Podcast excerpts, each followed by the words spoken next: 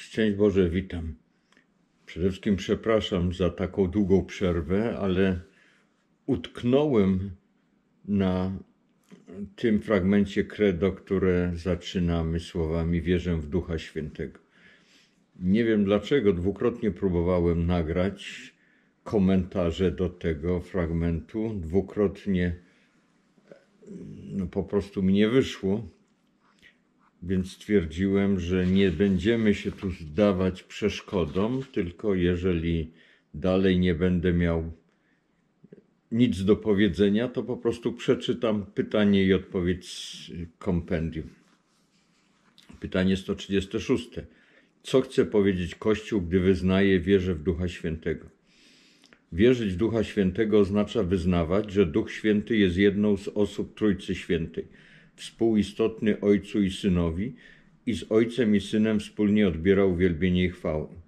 Duch został wysłany do serc naszych, abyśmy mogli otrzymać nowe życie dzieci Bożych.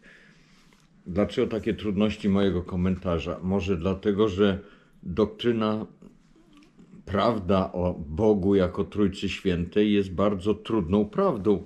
Bardzo trudno sobie to nam uświadomić, w jaki sposób to może być, że jest jeden Bóg, ale są trzy osoby boskie.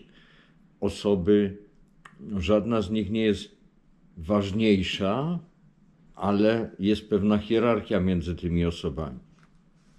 I są to, no, są to rzeczy niepojęte. Musimy to przyjąć na wiarę. Po prostu musimy to przyjąć na wiarę. To nie jest tak, że my musimy to zrozumieć, bo my nigdy to nie zrozumiemy w pełni tajemnicy Trójcy Świętej. Jedno takie ćwiczenie, które nam pomaga uświadomić sobie, jak to jest możliwe, że jest jeden Bóg. Każda z osób boskich jest tak samo ważna, bo jest tym samym Bogiem, a równocześnie jest pewna hierarchia. E, ojciec zrodził syna, Duch Święty od ojca i syna pochodzi. W jaki sposób to moglibyśmy zrozumieć? Wyobraźmy sobie, pomyślmy o tym, że jesteśmy w stanie myśleć. Sam proces myślenia jest jeden. Nie ma ważniejszego procesu myślenia niż inny proces myślenia. Mamy jeden proces myślenia. Ale gdy myślimy o tym, że możemy myśleć, to mamy pewną jakby kolejność, zależność. Mamy wybrany proces przez nas, naszą wolą, zastanawiamy się nad procesem myślenia, myśląc o tym procesie. I e, mimo, że to myślenie jest jedno, to mamy tu pewną jakby kolejność. Ja wiem, że to jest też głęboka abstrakcja, nie każdy to widzi, ale, ale jak ktoś to zobaczy, to to pomaga w pewien sposób zrozumienie, jak to jest możliwe w Trójcy Świętej. Bo nigdy nie było takiego okresu, że ojciec nie był ojcem, że syna nie było że Duch Święty nie został przez nich posyłany. Ten Duch Święty można sobie to wyobrazić jako miłość między ojcem a synem na przykład. Więc y, są to równoważne osoby Trójcy Świętej, ale są to osobne osoby. Dlaczego posłanie Syna i Ducha Świętego jest wspólne i nierozdzielne? W niepodzielnej Trójcy Świętej Syn i Duch Święty są odrębni, ale nierozdzielni. Od początku aż do końca czasów, kiedy Ojciec posyła Syna, posyła zawsze swojego Ducha, który nas jednoczy w wierze, abyśmy mogli jako przybrani synowie nazwać Boga Ojcem. Duch Święty jest niewidzialny, lecz poznajemy Go poprzez Jego działanie, gdy objawia nam Syna i kiedy działa w Kościele. W niepodzielnej Trójcy Świętej Syn i Duch Święty są odrębni, ale nierozdzielni. Inna rzecz, która pozwala nam to w jakiś sposób sobie wyobrazić, y, twierdzenia matematyczne. Mamy jakieś twierdzenie matematyczne, które jest całością, jest jakąś prawdą, ale jak chcemy udowodnić takie twierdzenie matematyczne, mamy założenie, mamy tezę i potem dowodzimy tego twierdzenia nie można powiedzieć, żeby założenie było ważniejsze od tezy, czy teza była ważniejsza od dowodu. No, jeżeli chcemy jakieś twierdzenie udowodnić, musimy przejść przez ten proces. Coś zakładamy, mamy pewne założenia, jakąś tezę twierdzimy i wykonujemy proces dowodowy. Założenie teza i dowód są nierozłącznymi elementami procesu dowodu matematycznego, który y, pokazuje nam pewno, pewną prawdę w dziedzinie otaczającego nas świata.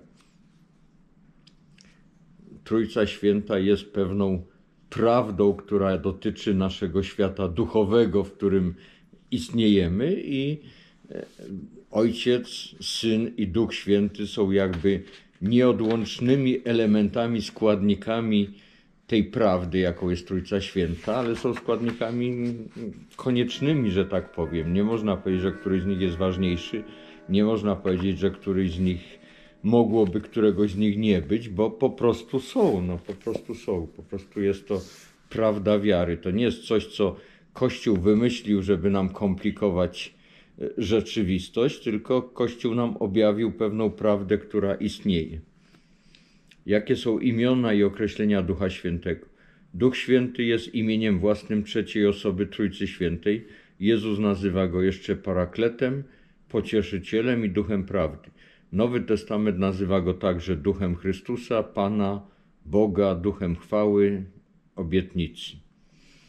Jakie są symbole Ducha Świętego? Są liczne. Woda żywa, która wypływa z boku Chrystusa ukrzyżowanego i nasyca ochrzczonych. Namaszczenie olejem, który jest sakramentalnym znakiem bierzmowania. Ogień, który przekształca wszystko, czego dotyka. Obłok, raz ciemny, raz świetlisty, w którym objawia się chwała Boża włożenie rąk, przez które udzielany jest dar Ducha Świętego, gołębica, która stępuje na Chrystusa i spoczywa na nim podczas chrztu. Wszystkie te symbole Ducha Świętego oczywiście znajdujemy w Piśmie Świętym. Co oznacza, że Duch Święty mówił przez proroków. Przez pojęcie prorocy rozumiemy tych wszystkich, których Duch Święty natchnął do mówienia w imieniu Boga. Duch Święty sprawia, że proroctwa Starego Testamentu w całej pełni wypełniają się w Chrystusie i objawia Jego tajemnice w Nowym Testamencie. Mówiąc o prorokach, jeszcze pewnie będziemy o nich mówili, warto też pamiętać, że aczkolwiek prorocy przewidywali przyszłość, to znaczy mówili, co się stanie, na przykład, że panna pocznie i porodzi syna, y, to w większości przypadków prorocy to nie są, prorocy to nie są przepowiadacze przyszłości. Prorocy to są osoby, które są pod natchnieniem Ducha Świętego, właśnie upominają współczesnych. Mówią współczesnym, jak żyć. I też mówią o konsekwencjach tego, jeżeli ci współcześni nie będą żyli tak, jak żyć powinni.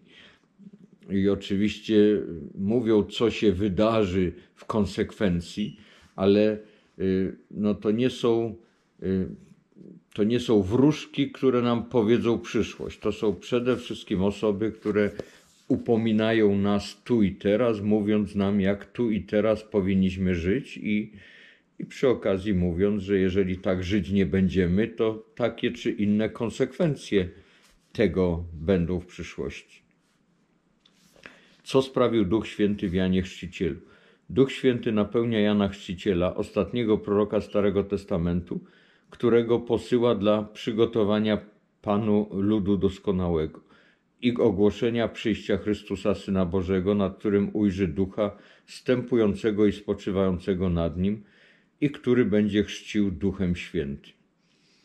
Właśnie życie świętego Jana Chrzciciela. Pamiętamy wszyscy, bo to jest ostatni prorok, Nowy Testament.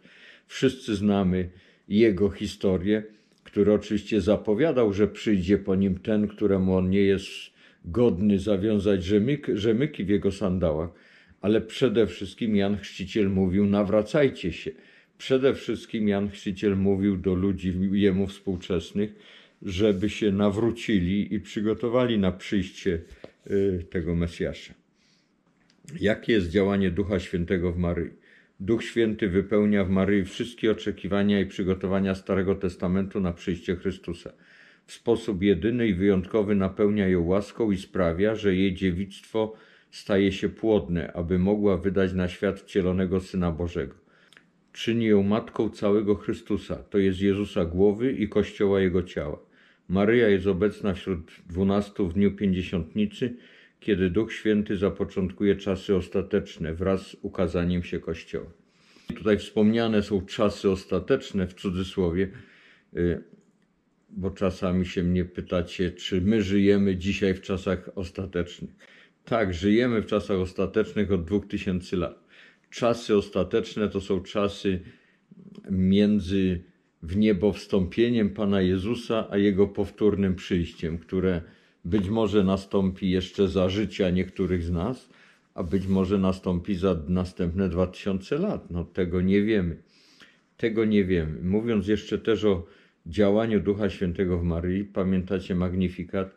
E, e, Maryja pod natchnieniem Ducha Świętego powiedziała, że wszystkie pokolenia będą ją nazywać błogosławioną. To taka tu uwaga pod adresem naszych braci protestantów, którzy bardzo często mają problem y, z jakimś oddawaniem czci Matce Pana Jezusa. Pamiętajmy, że Pan Jezus wypełnił przykazania Boże w sposób doskonały. Jedno z tych przykazań było czci Ojca swego i Matkę swoją. Więc nie mamy żadnych wątpliwości co do tego, że Pan Jezus oddawał swojej matce cześć należną jej. I my powinniśmy w tym naśladować Pana Jezusa. Tak jak ona pod wpływem, pod działaniem Ducha Świętego mówiła, że wszystkie pokolenia ją będą czcić i katolicy to robią przez całe dwa tysiące lat. No bracia protestanci mają z tym, przynajmniej większość z nich, duży, duży problem. Jaka relacja występuje między Duchem Świętym i Jezusem Chrystusem podczas jego ziemskiej misji? Syn Boży od chwili swego wcielenia jest konsekrowany w swoim człowieczeństwie na Chrystusa, Mesjasza, przez namaszczenie Duchem Świętym. On go objawia w swoim nauczaniu, wypełniając obietnicę daną Ojcom i posyła rodzącemu się Kościołowi, tchnąc na apostołów po zmartwychwstaniu. Chrystus. No, Chrystus to nie było drugie imię Jezusa. Chrystus, czyli Mesjasz, Mesjasz po hebrajsku, Chrystus po grecku, to jest pomazaniec, to jest ktoś, e, zawsze królowie to byli boży pomazańcy, to było coś więcej niż demokratycznie wybrany prezydent czy premier, tylko to był ktoś, kto był posłany przez Boga, żeby e, opiekować się jakimś narodem. I pod tym względem Jezus, jako potomek króla Dawida, Jezus był synem Dawida, no, nie takim synem jak y, Salomon, tylko synem w sensie potomek dynastii. Pan Jezus pochodził z dynastii króla Dawida po przybranym ojcu Józefie i po Maryi. Ona też pochodziła z rodu Dawida, więc y, należ, należał mu się tron królewski Izraela, także z ludzkiego punktu widzenia. Stąd był tym Mesjaszem, Chrystusem, na którego Żydzi wtedy oczekiwali, bo Żydzi oczekiwali nie na Syna Bożego. Żydzi nie. Y, bardzo trudno im było pojąć, że Bóg da im własnego syna, który stanie się y, królem Izraela. Oni oczekiwali na Mesjasza, na przywódcę wojskowego, na króla, który ich poprowadzi do zwycięstwa y, nad rzymskim okupantem. I to działanie Ducha Świętego w Jezusie, synu Maryi, objawia się właśnie y, w jego nauczaniu, w którym wypełnia obietnicę daną ojcom przez proroków. Co zdarzyło się w dniu pięćdziesiątnicy? Pięćdziesiąt dni po swoim zmartwychwstaniu, w dniu pięćdziesiątnicy, uwielbiony Jezus Chrystus wylewa obficie ducha i objawia go jako osobę boską. W tym dniu zostaje w pełni objawiona Trójca Święta. Posłanie Chrystusa i Ducha Świętego wypełnia się w Kościele, który jest posłany, aby głosić i upowszechnić misterium komunii Trójcy Świętej. Do dnia pięćdziesiątnicy apostołowie, uczniowie Pana Jezusa nie w pełni jeszcze rozumieli, co tak naprawdę się wydarzyło. Znaczy, widzieli, że Jezus umarł, że zmartwychwstał, ale dalej byli przerażeni tą rzeczywistością, bali się Żydów, bali się własnej śmierci, oczekiwali wieczorniku i gdy Duch Święty na nich stąpił, w pewnym sensie otworzyły im się oczy. opuścił ich strach i wyszli na ulicę i zaczęli głosić prawdę o Chrystusie. Zaczęli głosić z taką mocą, że tysiące ludzi się nawróciło. To była właśnie ta pełnia objawienia Trójcy Świętej, wypełnienie tej obietnicy, której, którą Jezus powiedział, że On ześle, pośle im Ducha Świętego, który doprowadzi ich, czyli Kościół, do pełni prawdy. I to doprowadzenie w pewnym sensie miało miejsce w dniu 50, pięćdziesiątnicy, kiedy były te narodziny Kościoła, ale działanie Ducha Świętego w Kościele się nie skończyło. To objawienie dogmatu o Trójcy Świętej troszkę Kościołowi zeszło, zanim Kościół potrafił to zrozumieć i wyartykułować w postaci właśnie dogmatu naszej wiary. Czego dokonuje Duch Święty w Kościele? Duch Święty buduje, ożywia i uświęca Kościół.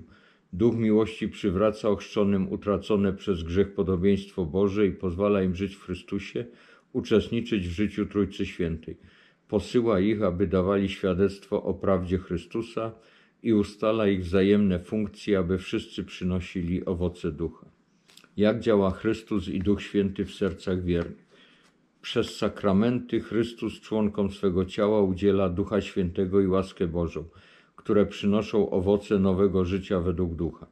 Wreszcie Duch Święty jest nauczycielem modlitwy.